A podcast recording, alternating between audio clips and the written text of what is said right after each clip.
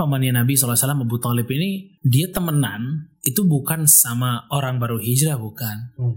Dia temenan dekat sama siapa? Rasul Shallallahu Alaihi Wasallam. Tapi endingnya gimana? Mati kafir dia. Bismillah, Drabanian Stars. Bismillah, alhamdulillah, wassalatu wassalamu ala rasulillah wa ala alihi washabihi ajmain. Amma ba'd, brothers and sisters sekalian Alhamdulillah kita kembali di sesi selanjutnya dari Drabanian Stock Bersama guru kita Ustaz Muhammad Ali Syarif Hafidhullah Ta'ala. Ustaz kita lanjut nih ya. Lanjut ya. Ini acara baru nih, acara baru. Si Masya- hangat nih Hangat, baru. hangat, Masya Allah.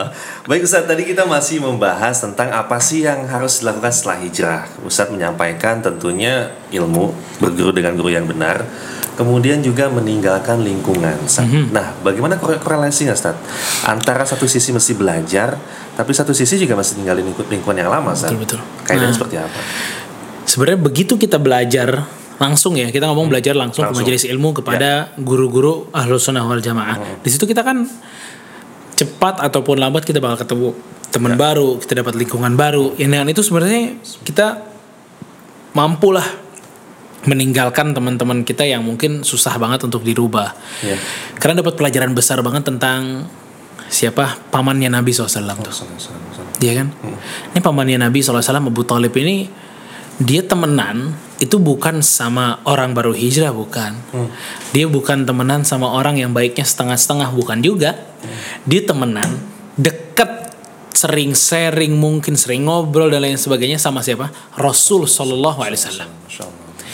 Tapi endingnya gimana? Ya. Mati kafir dia. Iya. Betul kan? Kenapa sih? Padahal dia temenan sama orang baik loh. Hmm. Karena apa? Karena dia nggak mau ninggalin teman yang buruk. Dia masih klop banget sama Abu Lahab. Iya. Dia klop banget sama Abu Jahal, sama Ubay, dan, eh, sama Umayyah dan lain sebagainya. Ya, dia masih aja temenan sama mereka mereka. Walaupun dia temenan juga sama orang terbaik, tapi dia juga temenan sama orang terburuk. Itu main tarik tarikan lah. Apalagi orang baru hijrah ya. Waduh. Dan aneh ya, jujur kalau dengerin teman-teman cerita yang bikin susah ya lingkungannya. Hmm. Ya makanya sedikit demi sedikit dia mesti ganti banget lingkungannya agar dia bisa selamat. Ya, salah satu dengan apa? Ya, cari lingkungan itu di tadi tuh orang-orang yang datang di majelis ilmu bareng-bareng sama kita. Nanti kita dapat teman baru kan. Jadi kita megang hidayah, kita istiqomah tuh nggak sendirian kan lebih berat kalau istiqomah sendirian. Pada saat kita istiqomah ada teman-teman yang lain kan lebih enak. Say- Betul banget ya. Masya Allah. Teringat quotes, guys, hijrah tuh berat. Jangan sendirian, kamu nggak bakalan kuat. Allah. Akbar. Anak baru denger malah. Hah? Ini dari ente ya? luar biasa. Ternyata hikmah ente nih luar biasa ya. Aduh, saat keluar nih jadi lama, masya Allah. Kan Ustaz menarik saat karena mungkin tadi Abu Talib awal mulanya mungkin nggak enak saat ya, nggak enak Hmm, Salah satunya itu juga. lama. Iya kan, tapi kan nggak mungkin bisa bersatu saat ya antara kebaikan keburukan. Ini sekelas berteman dengan masya Allah manusia terbaik, tapi satu sisi masih ada Manusia terburuk. yang terburuk. Masya Allah, walhasil. Allah. Jadi intinya wa- walaupun berproses saja nggak bisa langsung, Proses, berproses. tapi belajar terus aja, tapi lingkungan mesti dirubah. Mm-mm. Ya. Sedikit demi sedikit lingkungan berubah. Kalau enggak ya berat, terlalu berat bahkan. Hmm. Terlalu berat. Makanya kan ada hijrah tuh biar lingkungan juga ganti. Antum kan dengar hadis riwayat Muslim yang Hmm. orang udah ngebunuh 99 orang itu? Sembilan bulat jadi cepek. Iya, dia buletin nanya sama orang dia bilang nggak bisa tobat, udah 99. Ya Allah. Ya, dia yang ke 100 ternyata, orang yang jawab 100. Pas dia nanya sama ahli ilmu kan jawabannya beda. Tapi kan ada satu syarat, pindah. Pindah, Hijrah ente. pindah. Iya. Lingkungannya ganti, itu yang dimaksud. Lingkungan tuh mesti diganti. Iya. Kenapa sih kalau orang baru hijrah lingkungan ganti? Kalau perbaiki itu lebih sulit. Memperbaiki lebih sulit. Lebih sulit. Sekarang ente tongkrongan ente ada isinya 10 orang. Hah. Yang ngaji, yang hijrah cuma satu doang, kita doang. Hah. Terus ente mau buat 9 itu ngaji. Ah. Itu lebih sulit daripada ente coba cari tongkrongan yang baru yang lebih sehat buat kita. Hmm, ya bukan berarti kita tinggalin abis banget ya enggak cuma ya bertahap lah bertahap sesuai dengan kemampuan kita dalam bertahap itu gitu loh tapi untuk mewarnai sulit akhirnya kita kan baru hijrah kan iya enggak baru hijrah tuh iman tuh bukan kayak iman Abu Bakar iya enggak yang kuat gitu enggak ya baru muncul tuh iman diserang ya habis lagi ya habis lagi kayak gitu Masya Allah. Menarik sih, masuk logika saja. Ngerubah sembilan susah, lebih baik tambah satu, dua, tiga baru iya lebih hmm. baik dan saja. itu juga bisa nguatin iman kita nanti nextnya mungkin kita bisa berikan warna kepada teman-teman lama kita Lingkungan teman baik itu nyarinya di mana, Sat? Hmm? Gak mungkin di mall kan? Gak tempat tongkrongan. Di mall dapat nggak ya? Berarti kembali ke ya tempat-tempat baik Sat ya. Tempat baik. Masjid. Ya orang baik ngumpul di tempat-tempat baik, Hmm. gitulah. Ya walaupun sebagian mungkin mengatakan ah di masjid juga ada orang yang buruknya. Ya. Kalau di masjid ada orang buruknya, apalagi di mall. Nah, itu. Ya lebih parah, lebih banyak lagi orang buruknya. Benar, Bener gak? benar, benar, Makanya orang-orang baik ya adanya di masjid. Ya antum cari di masjid gitu loh.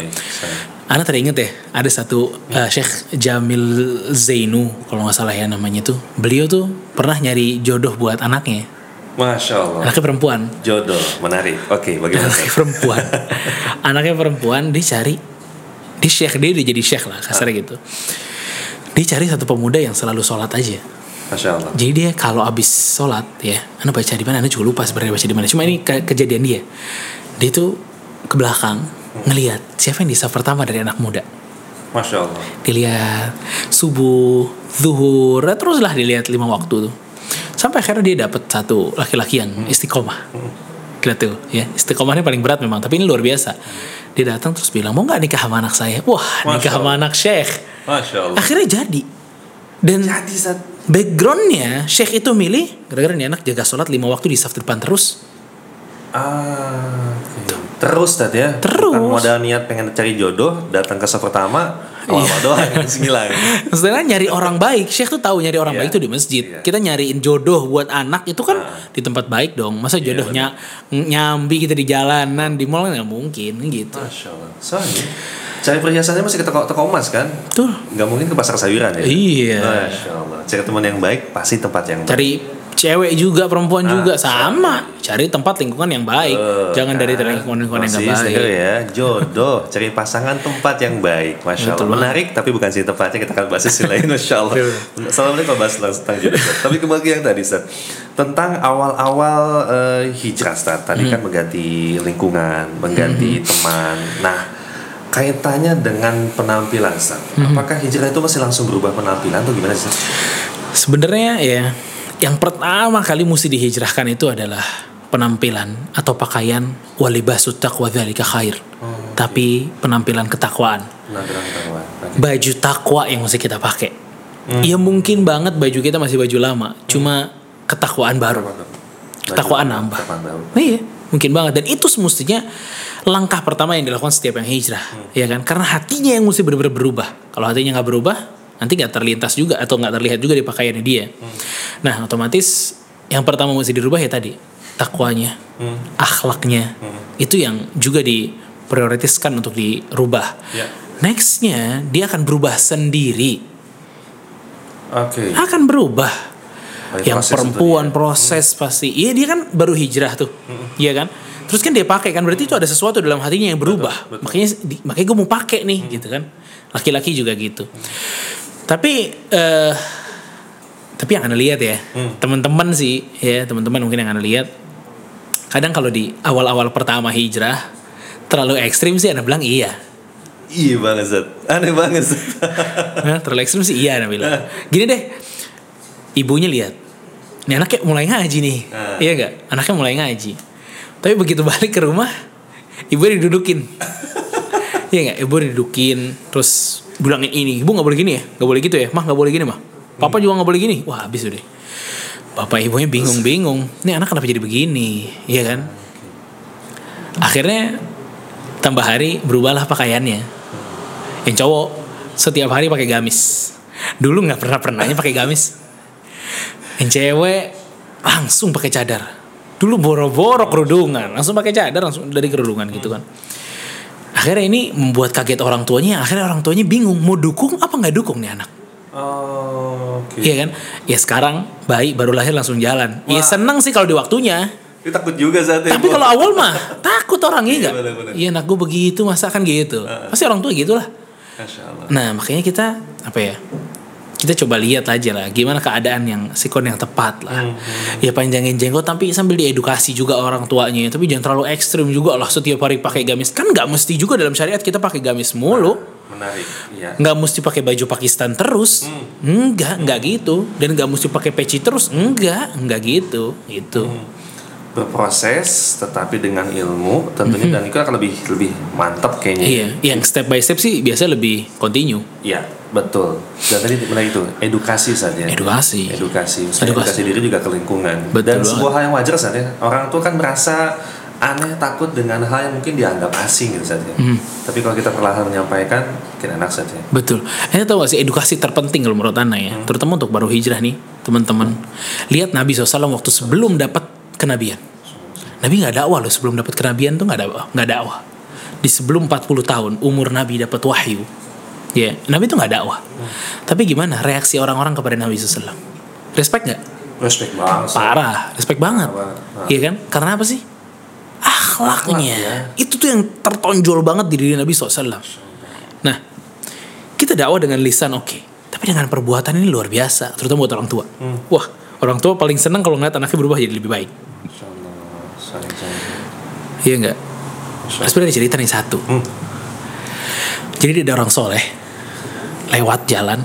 Jadi dia ngelihat anak muda gangguin perempuan. Dia digangguin cewek nih sama dia nih. Kata orang solehnya, gue nasehatin apa enggak ini orang? Ragu nih orang solehnya. Nasehatin apa enggak? Ah, udah deh, nasehatin aja deh. Nggak tahu gimana nantinya. Nasehatin lah ke anak muda tersebut. Ente jangan gangguin cewek gitulah, gini-gini dan lain sebagainya dia ngobrol. 30 menit ngomong, didengerin sama itu. Sama orang yang tadi gangguin cewek didengerin. Masya Allah. Gak boleh masuk sampai nangis. Sampai nangis tuh orang. Gitu nangis tambah ditambahin lah sama orang soleh itu kan. Jadi kita tukar nomor telepon yuk apa segala macam. Si anak muda bilang ya udah saya nggak bakal maksiat lagi kayaknya di sini tukar nomor telepon dicatat sama si orang soleh ini akhirnya berpisah mereka berdua. Mereka berpisah berdua kemudian di satu hari akhirnya lupa nelfon lah intinya seorang soleh ini. Di nextnya baru nelfon. Nextnya baru nelfon dapat nomor telepon lagi nelfon. Halo saya si Fulan. Kamu ini kan si Fulan kan yang waktu itu anak sehatin. Oh iya iya iya saya ini kata dia. Nanti masih ingat anak nggak? Kata orang solehnya. Kata dia gimana anda bisa lupa suara yang menunjukkan anak kepada hidayah? kata dia. Masya Allah. anak mau ketemu dong kata dia. Masya Allah. ya udah bisa asar ya ke rumah kata si orang yang udah tobat ini. Oh yaudah sampailah asar orang soleh ini ke rumahnya. Tapi begitu dia datang bawa bapaknya yang keluar. Pas saya mau ketemu si Fulan. Udah meninggal. Nggak mungkin kata dia. Anak ngobrol sebelum zuhur loh sama dia. Janjian habis asar nih anak mau ketemuan. Oh ente yang ngobrol sama dia. Sini anak cium pala ente dia bilang. Anak suka dan seneng banget sama ente. Masya Allah. Masya Allah. anak dengar anak-anak tadi ngomong di telepon gimana anak bisa melupakan suara yang telah menunjukkan anak hidayah. Wallahi dari kala ente nasehatin dia dia berubah di rumah. Tuh Subhanallah. ente nyelamatin dia dari neraka. Sekarang dia wafat habis ngomong sama ente tidur siang gak bangun lagi. Subhanallah. Masya Allah. dan itu tapi lezatnya taubat untuk orang tua juga gitu. Ngelihat anaknya berubah jadi lebih baik tanpa bicara. Berubah tapi semuanya. Akhlaknya sholatnya semua berubah. Ya. jadi ini yang poin paling penting banget untuk yang baru hijrah. Rubah tuh akhlak perbuatan. Orang tua pertama kali nggak bakal dengar kita siapa kita. Iya juga sih. iya An- mereka yang paling paham kita tiba-tiba Iyalah. datang berubah nasihatin siapa lu gitu iya iya banget Allah banget nih Masya Allah, Masya Allah tadi menarik sekali saat ya apa namanya betapa perubahan akhlak bisa memberikan dampak yang sangat besar terhadap Parah. lingkungan Banget. dan ini yang seharusnya jadi concern utama kan Sat? betul Tapi juga ya hijrah ya antara angan dan realita. Angan tuh mungkin karena kasih sayang kita pingin diri kita berubah, orang terdekat juga mesti berubah. betul betul betul itu semangat banget Tapi dia pengennya instan gitu saja. iya betul Ter- ter- terlalu pengen instan sehingga yang nampak mungkin semangat yang tidak dengan ilmu yang jadi malah kontraproduktif gitu kan. betul banget padahal Nabi SAW juga dakwahnya lama Ya itu. dakwahnya lama Betul. ini kan butuh proses dan lain sebagainya Betul, betul. Kalau kita aja dapat hidayah mungkin di usia segini butuh waktu, tapi kenapa kita nggak bersabar terhadap orang dekat dengan kita? betul banget dan penting banget deh kalau urusan orang tua sih bersabar dia udah Hmm, hmm. jadi bersabar ngurusin kita masa kita nggak sabar ngasih hidayah kepada dia lihat Abu Hurairah kurang sabar apa tuh sama ibunya Masya Allah. Iya kan? Masya Allah. Masya Allah. Baik, dan banyak sekali saatnya kisah-kisah para sahabat yang menunjukkan bagaimana proses mereka betul bisa menjaga dan juga mendapatkan proses hidayah saatnya. Baik saat menarik mungkin kita akan bahas di sesi lain, tapi juga kita ingin ke langkah awal saat terkait ilmu. Ilmu bahasan-bahasan apa aja yang perlu kita pelajari di awal-awal hijrah. Tapi mungkin jalan hijrah beda-beda saat ya. Ada yang tersentil mungkin langsung ke bab muamalah, misalnya pekerjaan Dari haram, situ gitu dari situ babnya. awal mulanya. Ada yang lewat mungkin masalah keluarga Mhm. gitu kan. Ada juga akidah, dapat hidayah, belajar. Tetapi sesungguhnya sejatinya tahapan-tahapan awal tuh untuk yang perlu dipelajari itu apa sih? Iya. Seperti tadi ya, kita kan bicara tentang orang-orang baru hijrah kayak para sahabat dan lain sebagainya. Mereka langkah pertama yang mereka pelajari adalah tentang masalah besarnya Allah di hati mereka, besarnya hak Allah kepada dirinya. Dia belajar tentang ubudiyah tuh, bahwa kita nih hambanya Allah. Ini yang pertama kali dikasihkan sama Rasulullah SAW. La ilaha illallah. Pokoknya yang paling penting untuk kita ketahui adalah masalah tauhid dulu tuh. Tahu. Tauhid. Eh kasarnya ya Kang ya. Ente nggak masuk surga nggak punya tauhid selesai. Ente nggak bakal masuk surga nggak punya tauhid nggak bakalan. Ente berani syirik ente nggak masuk surga. Udah berarti kita tahu. Yang paling penting yaitu emang itu syarat masuk surga. Tauhid. La ilaha illallah dengan benar. Itu yang paling pertama banget untuk kita pelajari. Makanya kita mesti yang baru hijrah terutama ya benar-benar mempelajari bersama ustadz-ustadz kita ya ustadz banyak lah alhamdulillah di Rabanians ada ya ustadz besar juga seperti Dr. Firanda misalnya ya di apa di medsos juga banyak. Di situ ada Ustadz Syafiq ada Ustadz Abdul Tuesikal oh itu kan aktif banget ya. Ada Ustadz Nuzul yang di Jakarta terutama kan. Ya kita bisa belajar tauhid dari mereka. Belajar belajar tauhid yang dari mereka kita bisa ambil banget. Apalagi untuk pertama langkah kita untuk belajar baru-baru hijrah gini. Masya Allah, kembali spesifik saja. Belajar butuh bimbingan dan rujukan. Banget. Salah satunya ya, kita di sini berusaha untuk menyajikan rujukan yang benar Insya Allah Ta'ala, Ustaz. Dan guru-guru yang tadi kita sebutkan yang bisa mengisi, Alhamdulillah sudah apa cukup mumpuni untuk bisa kita ambil ilmunya saat Insya Allah. Ustadz Ta'ala. itu Muslim Biker Indonesia Masya Allah. Oh, Ustadz bawa Ustadz Subhan ya?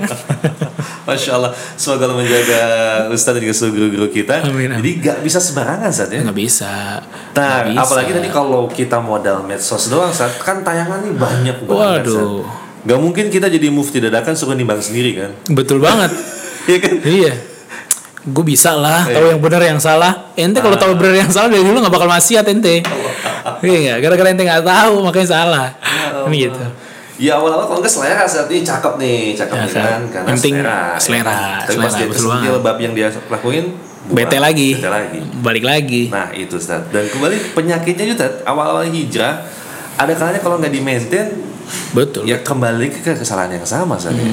Terulang gitu kesalahan sama. betul betul. Bolak balik ulang balik Allah Ustaz. Baik tadi ya udah disebutkan di message sama Ustaz kita berguru kepada Ustaz-Ustaz yang benar insya Allah Ta'ala. Dan mungkin akan lebih baik jika membatasi satu tadi tauhid kita perbaiki ke Ustaz-Ustaz yang telah ada dibandingkan langsung ngacak semua Ustaz ya Jangan, jangan. Nggak gitu loh para ulama juga belajar, Hmm. ya kan? Nggak gitu. Para ulama dari satu, dua guru, tiga guru baru, baru. Dan gitu caranya. Belajar ya gitu caranya. Kalau nggak gitu ya bingung sendiri Iya, ente. Ya kan? Dan alhamdulillah lah Jakarta ya terutama kita Jakarta sih ya. Hmm. Indonesia secara umum sebenarnya nggak kekurangan lah guru-guru kalau kita mau apalagi dengan tadi ya YouTube dan Hmm. lain sebagainya. Belajar lewat YouTube sih oke, asal Iya. bener bisa kita rutin oke bukan potongan-potongan doang. Betul. Itu sih nggak buat apa-apa, ya sedikit-sedikit aja. Cuma rutin itu yang bisa memberikan pondasi-pondasi yang kuat. Tapi dari zaman ke zaman kita tahu nggak ada yang bisa ngalahin majelis ilmu. Sorry. Bro and sis, tidak ada yang bisa mengalahkan majelis ilmu. Itu bottom line ya. Kondisi kita saat pandemi ini mungkin ini yang bisa kita lakukan saat ini. Betul banget. Tapi tetap tidak mengurangi yang terbaik adalah hadir langsung di majelis ilmu. Masya Allah. Ulama keluar dari masjid, Ulama keluar di masjid. Masya Allah. Masya Allah. Duh. nggak ada yang dari YouTube.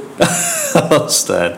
Ya Allah makin kangen kita untuk bisa duduk bareng di majlis ya teman-teman sekalian. Semoga Allah cepatnya. mudahkan kita bisa kembali berjumpa di majlis ilmu khususnya Rabu malam insya Allah taala. Iya. Baik Ustaz, setelah belajar kepada guru-guru yang benar tadi ada referensi nggak Ustaz? Buku-buku awal untuk kita belajar Ustaz? Buku-buku awal untuk kita belajar banyak sebenarnya ya. Awal Ustaz. Saking banyak Ustaz. Kasih Saking kita satu banyaknya. dua deh buat kita bahas. eh Ana lebih prepare yang bahasa Arab sih sebenarnya. Cuma terjemahan-terjemahan yang ada udah alhamdulillah lah. Buku-buku singkat seperti salah satu usul misalnya tiga landasan Tiga utama. utama. Oke. atau qaidul arba itu empat, Empat kaidah yang memahami syirik Masya Allah, ya Masya terus juga buku-buku dari eh, seperti apa ya buku Ustadz Abduh banyak ya kalau menurut anak buku Ustadz Abduh banyak. Buku Ustadz Yazid juga banyak Ustadz Hakim juga banyak itu bisa Allah. dipakai banget sama kita nih untuk belajar. Baik. dan untuk awal-awal biar kita semangat untuk ilmu ya. Hmm. menurut anak buku yang paling bagus bahasa Indonesia untuk itu adalah menuntut ilmu jalan menuju surga. Masya Allah. menuntut ilmu jalan menuju surga itu penulisnya Ustadz Yazid Hafizahullah Taala. Itu penting banget kalau menurut anda untuk dibaca. Ente baca itu insya Allah pengen banget jadi talib ilmu. Masya Allah. Masya Allah. Guys, tadi udah saya sebutkan, nanti kita akan bantu reminder lagi. Banyak sekali kitab-kitab perlu kita baca, ya tentu berproses, tapi terus melangkah, karena ya semakin belajar makin ya Allah banyak banget kita ketinggalannya. Ustaz, ya. betul banget betul Allah Ustaz. Kalau untuk dunia aja kita serius banget belajar, apalagi untuk akhirat kita ya. sahih Masya Allah, Masya Allah. Baik Ustaz. Baik teman-teman sekalian, kita akan menyampaikan tentang apa yang harus dipelajari.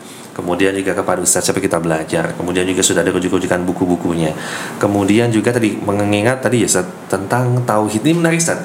Karena mungkin kita flashback sedikit kalau be- belajar sirah kita tahunya sahabat masuk Islam, belajar sama Rasulullah, kemudian juga akhirnya memenangkan Islam dan sebagainya. Itu nggak dibahas bahwa kita lupa membahas bahwasanya fase awal Mekah itu fase belajar tauhid saat ya. betul banget betul banget Itu dan nggak mungkin setahun dua tahun ngaji langsung berubah kan? sahih sahih banget ya anda minum dulu ya Foto-foto satu.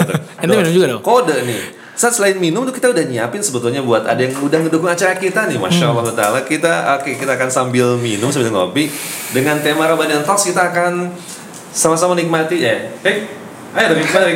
Allah, Masya Allah. Luar biasa. Ini apa ini? Kamera kamera zoom dong. Masya Allah.